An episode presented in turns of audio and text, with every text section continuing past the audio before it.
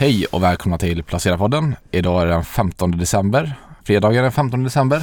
Och med mig i studion har jag Kollans. Pekka Kenter. och mig Ludvig Lönngård. Och idag ska vi snacka lite makro. För börsen har ju gått extremt bra nu. Ja, otroligt bra. Eh, Vi har ju nytt, eh, nästan nytt all time high. Det är 2% kvar nu. Ja, Eh, Vi har ju fått en, ett rejält språng kan man säga här. Särskilt efter räntepausen. Eh, Och det tänkte vi att eh, Pekka ska gå in på. Ja, man kan säga att den här totala omställningen på räntemarknaden som har pågått i hela december har fortsatt och fick lite extra fart nu i veckan då när eh, Federal Reserve kom med sitt räntebesked. De- De ska sänka tre gånger nästa år va?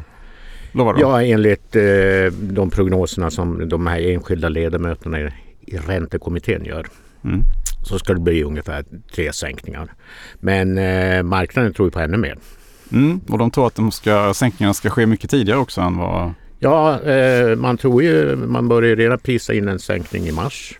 Mm. Mm, eh, var nästan fullt prissatt strax efter där. Sen vet jag att det kan ha tickat upp en aning. Men eh, när man räknar med att eh, amerikanska styrräntan ska ligga strax under 4% i december 2024. Så det är alltså, vad blir det? Fem, minst fem sänkningar. vad ligger det på idag? Eh, mellan 5,25 och 5,50.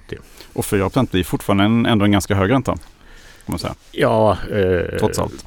Trots allt, ja. Men eh, jag har ju aldrig varit med om att det har skett en sån här stor omsvängning på räntemarknaden utan att till exempel arbetslösheten har sprungit iväg eller, eller man har sett väldigt svaga konjunktursignaler. Men det, eh, så det finns väl kanske en viss risk att marknaden har sprungit iväg lite för fort. Det finns ju många som tror det som, som jag har pratat med de senaste dagarna som tycker att det här har gått... Ja, det är för, Ja. för snabbt helt enkelt. Och långräntan har ju också gått ner. Eh, Tioårsräntan i USA ligger nu numera under 4% Ni kommer ihåg för lite knappt en månad sedan så var den uppe och dansade runt 5% och alla var toknervösa. Och man pratar till och med om att den kunde kanske i värsta fall gå upp till 7 procent. Ja. Jag Ja. pratade med någon som... Ja, det vänder snabbt. Nej, det har verkligen väldigt svart, snabbt och eh, jag kan bara säga att eh, någonting som jag tog fasta på var ju att man fortfarande pratar om neutral ränta, så vad styrräntan ska ligga på lång sikt. Den, ska, den eh, ligger kvar då på 2,5 procent. Just det. Så att eh, Men, men där tror marknaden att, eh, att eh, den lång, lång, på lång sikt så ska man spå marknaden lite högre ränta egentligen än 2,5 procent. Ja. Men sen, och sen kan man säga en, en riktig kicker för den här räntenedgången var ju också att man började prata om realräntan. Man såg en eh, väldigt hög nominell, alltså nominella ränta minus inflationen. Om man såg en brant inflationsnedgång så skulle realräntan bli väldigt hög. Och i teorin så ska det, ju, det skapa en, vara en åtstramande effekt. Så att jag tror att eh, det, det var någonting som också tog fart eh, eller bidrog till räntenedgången. Man såg det. Men, eh, men handen på hjärtat här Pekka, var inte det ganska förutsägbart det här att marknaden skulle ta ut allt det här i förskott och göra det väldigt snabbt också? Ja, Att det, det Det- är precis så här det brukar vara. Liksom, Ja, när det brukar ju vara Ja. så här. Men, men jag tycker väl att utgångsläget ändå är att vi har en kärninflation som ligger på 4 procent. Mm. Vi har en fortsatt stark arbetsmarknad och en hygglig amerikansk konjunktur. Eh, ja, så jag tycker inte att det är bensäkert att det, marknaden får rätt den här Mm. gången. Mm. Visserligen tror jag på, också på sänkningar men kanske inte i så snabb takt. Eller att de kommer så tidigt som marknaden tror. Mm. Jag pratade med Karim Shedid igår eh, här i poddstudion faktiskt. Eh, Blackrocks eh, chefstrateg. Och han sa ju då att han hade lite annat take på allting. Det var att det här med hård eller mjuklandning då. Och han menar att vi ser ju inte ett scenario där det, kan, där det blir en hård landning då. Och inte mjuklandning heller egentligen. För att vi har liksom aldrig haft någon riktig konjunkturtopp. Utan vi har bara haft en återhämtning efter pandemin. Eh, Mhm. Och trodde då mer att eh, i så fall om man tar det ur- det här hård mjuklandningsscenariot då, att det blir mer mjuklandning då. Men att eh, i alla fall definitivt ingen hårdlandning. Liksom. Och det är ju det som eh, Federal Reserve också tror och flaggade för ganska tydligt. Att det är, en- det är en mjuklandning man förväntar sig. För annars är de väldigt ovanliga mjuklandningar om man har haft en sån här riktig konjunkturrökare. Liksom. Eh, Ja, mjuklandningar har vi ju nästan aldrig sett. nej precis, det var någon gång på 90, 94 fanns det någon Ja. eh, som de plockat fram. Men, mm. Nej, men det var väl det ena, Federal Reserve. Eh, ett mjukt besked och nedjusterade prognoser. Men, och sen kom ECB också. Och som vanligt så var det lite otydligt och pladdrigt. Och, ja, jag gillar inte deras show. Kristin Lagardes shower. Eh, men de försökte dämpa ränteförväntningarna. Mm. Eh, alltså förväntningar på eh, sänkta räntor. Men det var ju ingenting som bet särskilt mycket på marknaden. Utan man tror fortfarande att ECB ska sänka med 150 punkter nästa år. Och Eh, vilket skulle betyda sex sänkningar då på 25 punkter. Och, eh, man, eh, och dessutom... Så alltså ännu mer än vad, vad Fed gör då, tror man? Fem sänkningar för Fed och sex för ECB? Ja, mm. ja. Eh, så att... Eh, ja, och det är ju framförallt den svaga konjunkturen. Alltså till skillnad från, från USA så är ju den europeiska konjunkturen svag.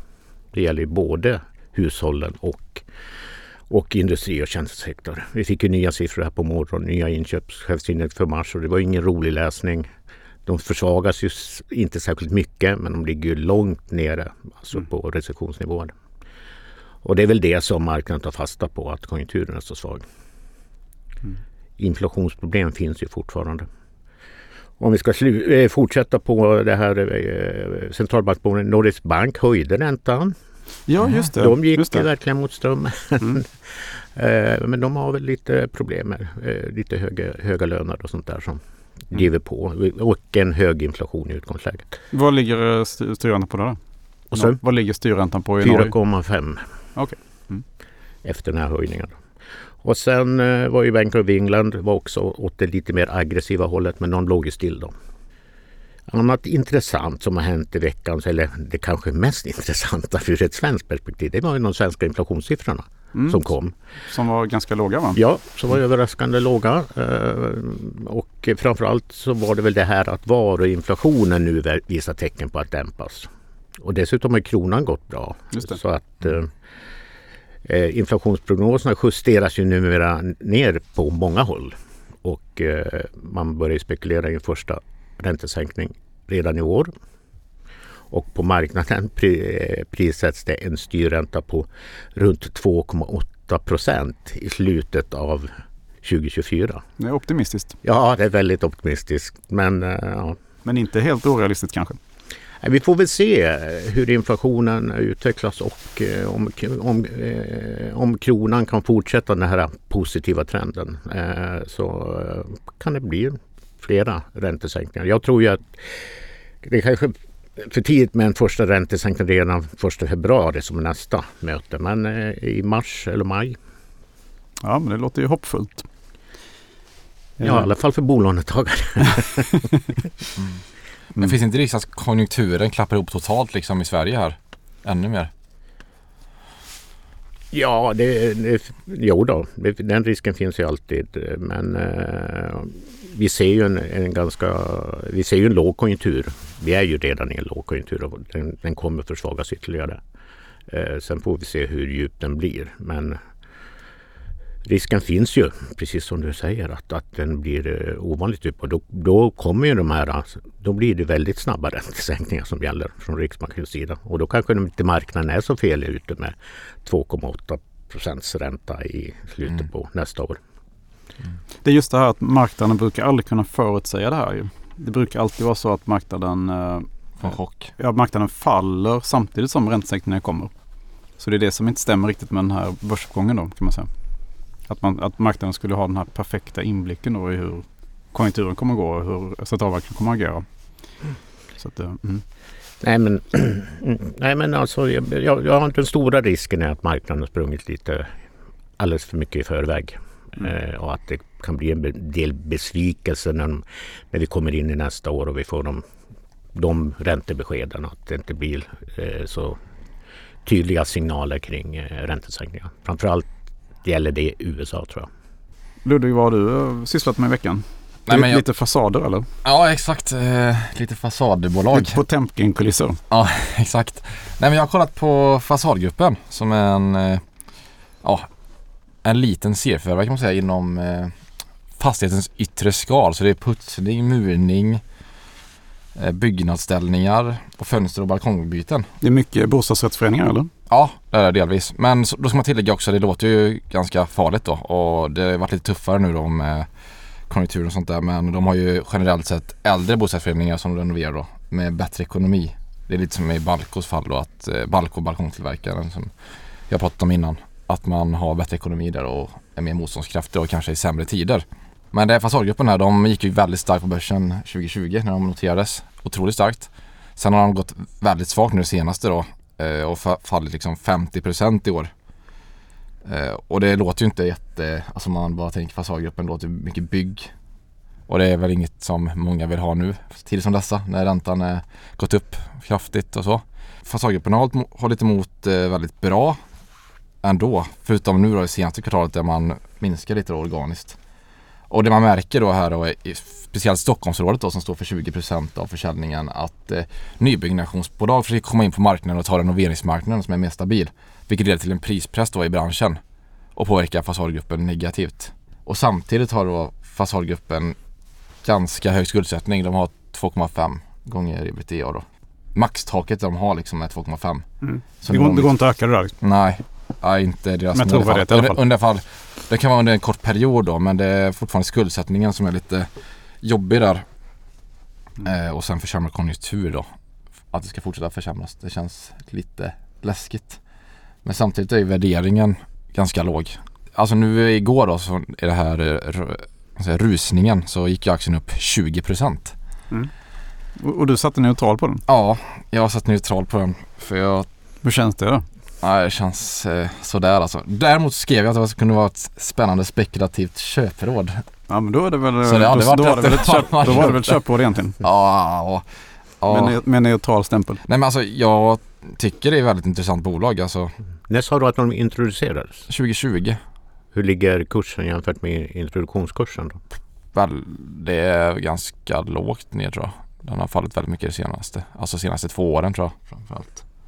Eh, och det kanske man kan kritisera lite då detta caset är att de har det är ett väldigt snabbt förvärvsbygge liksom. De har ju förvärvat över 50 bolag då på lite mer än sex år. Så jag kom fram till att det var neutralt då. Men eh, spekulativt köpråd. Och det som är Men, läskigt men då du är ju... vara ganska försiktig också. Jo, men eh, det är viktigt att inte förlora pengar. Exakt. Du, Det är skjut, en du skjuter inte vilt Exakt. från höften liksom. Nej, men det, jag tycker verkligen det är int- intressant och det här med att eh, man ska renovera fasaderna för bättre energieffektivisering. Det vet jag Mm. att många förvaltare pratar om. Mm. Eh, och det som händer i EU nu, de här kraven att man ska rusta upp fastigheterna bättre så de blir mer effektiva. Och eh, fönsterbyten, vet Inwido snackar också om det och det gör de med dem också. De gör fönsterbyten, balkongbyten, putsa fasaden, takgrejer också gör de liksom. Det är sådana grejer som måste göras. brett. Ja, och här kan man utvinna synergier då i fasadgruppen att man kan ge en helhetslösning och ha gemensamma inköp. Men ni har inga aktier i fasadgruppen då antar jag? Nej, det har jag inte. Pekka då? Nej, nej. Däremot Inwido har jag ju Mm. faktiskt. Och det har ju faktiskt gått ganska bra. Mm. Eh, sista månaden här har det gått jättebra ju. Jag äger lite Balk också. Eh, men den har ju däremot stått still. Ja, den står still. Den ja, är, jag har det är väl två case kanske. Ja. Och du Carl, du har kollat på Jag har kollat In- lite grann på Indien faktiskt. Eh, Det är ju så att den indiska börsen har ju gått jättebra under de senaste 20 åren. Eh, den har gått i paritet med de amerikanska börserna kan man säga. Så att eh, tillsammans med USA är det då mm, världens bästa börser. Liksom. Eh, och det som, och särskilt nu då har ju Indien kommit kanske ännu lite mer i ropet eftersom många flyttar sin produktion från Kina till Indien av många olika skäl. Men det främsta skälet kanske ändå, man, man pratar mycket om geopolitik och sådär, att man vill komma bort från Kina eh, och Indien är världens största demokrati då. Men eh, det handlar väldigt mycket om löner också såklart. Att eh, lönenivån i Kina har stigit mycket helt enkelt. Så att det lönar sig att flytta produktionen därifrån. Eh, och eh, Indien ligger ungefär 20 år efter eh, eh, Kina i ekonomisk utveckling, eh, bedömer man. Eh, så att det finns, man ska fortfarande göra det här steget från låginkomstland då till medelinkomstland. Eh, som Kina då, där Kina då har kommit en bra bit på vägen. Eh, plus att Indien då har, ser demografiskt väldigt bra ut. Till skillnad från Kina också. Man har då alltså tillgång till välutbildad arbetskraft i mängder. Och ytterligare en intressant sak är att indiska bolag då har, är förhållandevis lågt skuldsatta och har minskat sina eh, skulder under de senaste åren. Eh, så att eh, jag pratade med Alex Wolf då, som sitter i Singapore för JP Morgan som är expert på Indien. Han ser här då att man kan man ser början på en ny kreditcykel i Indien som skulle kunna ta fart här någonstans. Samtidigt får man då säga att indiska marknaden har ju gått väldigt bra under flera år då och eh, värderingarna är, ju, är ju inte låga. Eh, men eh, ur hans perspektiv var de inte, de var heller inte extremt höga då i förhållande till, eh, till vinsttillväxten. Då. Sen en annan intressant sak med Indien var att eh, eh i många sådana här tillväxtmarknader då, så är det så att eh, vinsttillväxt och BNP-tillväxt eh, eh, det är inte alltid som det översätts till en stigande börs. Eh, Men i Indien så är den korrelationen väldigt intakt. Då. Vilket är bra eftersom Indien är den snabbast växande ekonomin av G20-länderna. Va? Exakt. Så Men det vet jag också. Jag skriver en aktie liksom Kone här, alltså Kone, finska Kone. Just det, de är stora i Indien va? Ja, de växer väl, ja, kanske inte så stora just nu men de säger verkligen att det är Det är tillväxtområde. där de ska växa. Ja, där byggs det mycket nu och det, Mm. Och det är många stora där. städer, mycket folk. exakt. Eh, och som sagt det här steget från låginkomst till medelinkomst. Eh, så att eh, jag skulle säga att det enda som jag skulle säga som gör att man lite grann får varningssignaler med Indien då, det skulle ju vara då att så många pratar om att Indien är så bra liksom. Möjligen. Eh, men eh, det finns ju, finns ju väldigt mycket papper i alla fall som talar för att Indien är ett eh, bra investeringscase. Eh, Särskilt om man då är intresserad av att eh, kolla på eh. Och kanske då åt mer stora och stabila tillväxtmarknader ska man tillägga. Att, eh, nej men Indien ska man absolut lägga på sin bevakningslista i alla fall tycker jag. Har du några aktier där? eller? Mm, Ja, jag har ETF? ägt eh, Indien eh, index till och från faktiskt. Men jag har ju, tror inte jag kollat på det efter pandemin. Tyvärr. Det borde man ju såklart ha gjort. Men jag vet att i, i globala fonder och även i Eh, tillväxtmarknadsfonder och sådär så är ju, eh, finns det ju alltid ganska mycket Indien. Särskilt då indiska banker brukar finnas med. Eh, och du har ju också ja, till exempel Infosys då ligger oftast med, alltså kundtjänstbolag liksom. Världens största brukar vara med. Så att man får ju lite Indien-exponering också om man investerar i globalfonder då. Ja, pekar Pekka, har du Indien eller? Vad tror du om det? Nej, men jag tycker det låter intressant. eh, Absolut. Sen har jag alltid den där eh, lite fördomen om Indien att, att de har lite svårt att eh, eh, vara liksom topp top of the pops på något sätt. Mm. Att det är väldigt många ingenjörer. Du menar Det- Tata bilar och sånt där? Va? Deras bilar till exempel? Och, Ja. Mm. Nej men alltså det är väldigt många ingenjörer och eh, sådär väldigt eh, högutbildad men, eh, men de, de ligger inte i topp. Men det kan ju vara successivt kanske att man kommer dit. Ja. Möjligen. Mm. Sen finns det väl lite problem så här med eh, inre spänningar. Det finns alltid risker med allting. Men eh, annars då om man, om man skulle prata andra tillväxtmarknader. Jag har ju varit runt lite och snackat med många olika typer av eh, experter och förvaltare här. Så är det ju eh, det man pratar om är ju Mexiko och Vietnam också. Och det är just för att Mexiko är ju caset då att det är lite samma case som Tyskland, Polen kan man väl säga. Även om det inte är Polen då är en tillväxtmarknad på det sättet. Men att, att produktion då från USA förläggs i Mexiko till exempel. Mexiko Mhm. har ju gått om Kina som största handel, USAs största handelspartner. Ja. Och det är ju mm, logistiskt mycket smart också då. Du har ju produktionen nära, nära gränsen liksom. Eh, och samma med Vietnam då att det är ju, det är lätt, det är lättare eller att flytta liksom till Vietnam som ligger nära. Och där har du också ett land då som ligger eh, ekonomiskt då lite efter Kina. Liksom. Så det är väl det som ser mest intressant ut Mm. inför nästa år. Här. Och fastighetsbolag är väl också väldigt intressant Karl, eller vad säger du? Eh, ja, de har ju gått eh, väldigt starkt då eh, sista veckorna här på räntetoppen får man ju säga. Eh, och särskilt då svenska fastighetsaktier har ju gått väldigt bra. Eh, och det är ju också för att eh, svenska fastighetsbolag är, är ju man brukar säga att europeiska fastighetsbolag är högt belånade ur ett globalt perspektiv. Men eh, ur ett europeiskt perspektiv är det svenska fastighetsbolag som är högt belånade. Okej. Så att eh, svenska fastighetsbolag är väl då världens högst belånade fastighetsbolag helt enkelt. Mm. Eller bland världens högst belånade. Så att de gynnas väl då kanske allra mest av det här eh, att räntorna skulle falla. Då. Så att vi har ju fått väldigt, väldigt stora uppgångar i, i många fastighetsbolag i Sverige. Vi har ju sett uppgångar de sista veckorna på så 40, kanske 50 procent i vissa Ja, fall. det är brutalt alltså. Ja. Särskilt då i de här kanske så här förvärvs, duktiga förvärvsintresserade bolagen som eh, Nyfosa som jag vet jag pratade om här för några veckor sedan. Eh, där Jens Engvall då gjorde stora insiderköp faktiskt. Eh, Och de är upp typ 50 procent nu då eller? Ja, nästan det. Ja. Men det, var. Mm. Ja. Så att, eh, det har varit brutala uppgångar får man säga. Mm. Men du ser ju även, du såg ju på Logis här till exempel, det är ju också upp kraftigt. Världens största logistikfastighetsbolag, eh, USA-noterat då. Det är också upp, eh, ja säkert 30 procent från Mm. botten. Så att eh, fastigheter älskar ju den här miljön såklart. Med, Tror du den kan fortsätta då? Ja, Vad tror du? Eh, ja men eh, jag, du intervjuade väl en person? ja, jag pratade med Arvid Lindqvist från Catella då i, i förrgår. Eh, och han är ju lite eh, Sveriges eh, fastighetsguru skulle jag säga. Inom, eller cykler då. Han tror ju att, han förutsåg det här väldigt bra tyckte jag faktiskt, den här uppgången. Och det brukar han göra mm, så här, inom vissa tidsintervaller. Och han tror väl i stort sett att eh, vi hade tagit ungefär hälften av, eh, av uppgången då eh, fram tills nu. Men nu har vi sett ytterligare uppgång då igår då så var ganska kraftig.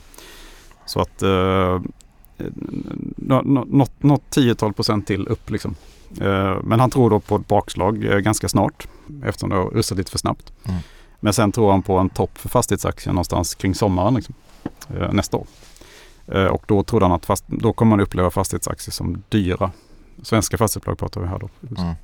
Så att eh, vi får se om det stämmer. Men du, du har ju pratat om, eh, det finns ju, det låter lite som ett indiskt namn nästan ju. Chuck Ackre liksom. Ja. Vad, vad gör han för någonting? Nej men det är ju en gammal fondförvaltare. Alltså? Ja, så- Men han har inte indiskt ursprung eller? Nej, det ser i alla fall inte ut som det om man kollar på honom. Är det sant? Men det kanske han har. Han går lite under radarn här i Sverige kan man säga. Men, ehm, Vad har han gjort då? nej, men han har startat ett fondbolag som heter eh, Acre Capital Management. Hans fond har gått väldigt bra. Han eh, var exempel tidig in i det här American Tower. Just det, med mast, Ja, mastbolaget exakt. i USA. Som är Mm. hans Det är många fastighetsfonder som äger faktiskt. Ja. ja det är Ja, väldigt, det är väldigt populärt. det är hans 100 bagger. Okej. Och även, han var även tidig in i Berkshire Hathaway. De hade 100 miljoner dollar i börsvärde när han var inne där. Mhm. Så den gick alltså, den har också gått 100 gånger pengarna. Mm. Och sådana bolag vill man ju ha som går 100 gånger pengarna. Tyvärr har man inte upplevt det än men det Vänta bara. kommer. Du är så ung ännu så att det finns gott om tid för dig att uppleva det. Ja, men så, i alla fall, så han har, jag kollar lite på hans investeringsstrategi och vad han eh, liksom tittar på när han eh, kollar på bolag. Och då har han liksom tagit ner detta till en trebent mjölkstol, vad man säger. Om man tänker så här gammal pall liksom som man satt, En, en mjölk, satt och mjölk. mjölkpall brukar man Ja, kalla det. mjölkpall. Ja, han säger stol i alla fall men kanske mjölkpall kanske heter. Mm. Eh, så det första benet är att det ska vara en kvalitativ affär. Och då vill vi se liksom att det är bra konkurrensfördelar, alltså det är som vanligt då. Bra kassaflöden, hög avkastning på kapitalet. Eh, och så vill vi även se att det liksom finns en slags pricing power i bolaget. Alltså att de kan lyckas höja priserna utan att eh, försäljningsvolymen går ner. Och det är ju inte alla bolag som kan det. Så det är vad han kollar liksom här då. Eh, och han verkligen betonar det här, det viktigt är att man har hög avkastning på kapitalet.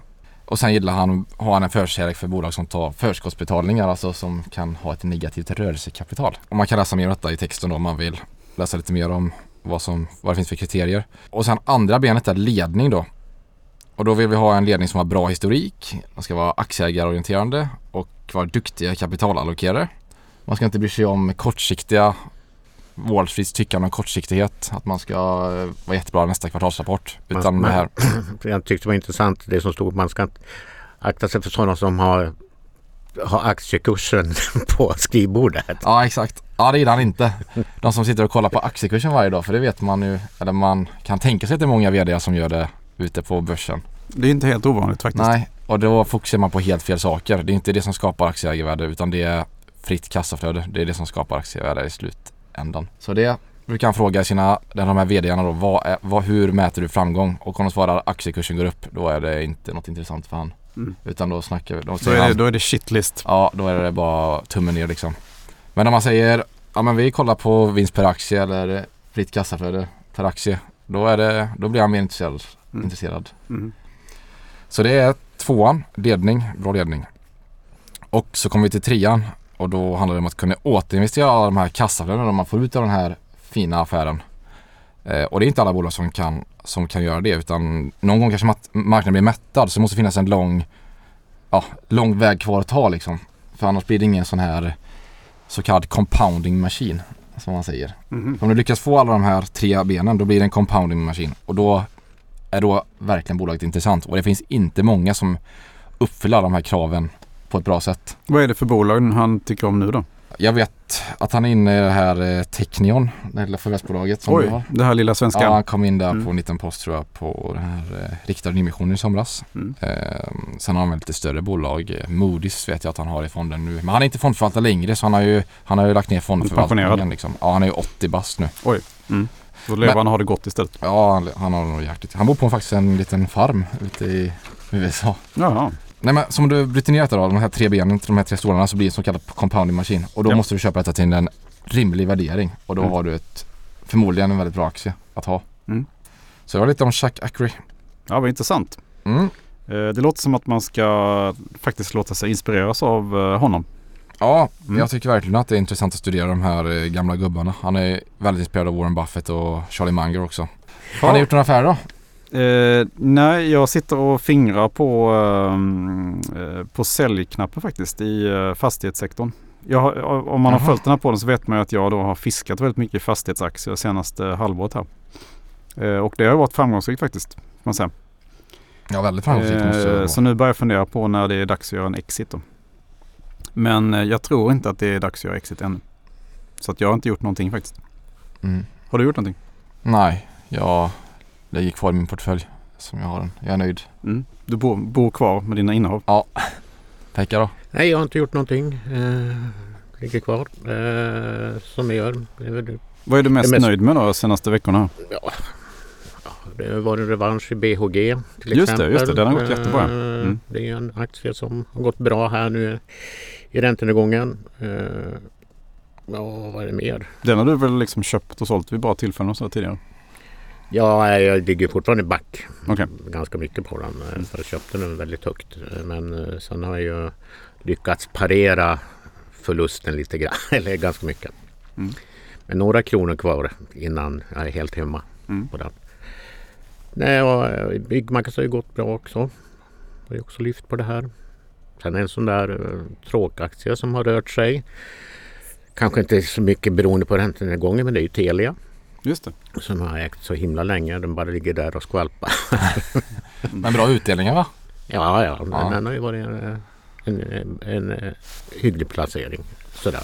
Eh, avkastningsmässigt. Mm. Men eh, det är väl, eh, ja, sen vet jag inte. Sen eh, apropå det så fick jag ju ett mail här. Någon som frågade om jag inte skulle eh, köpa tillbaks min min Exact Bear nu.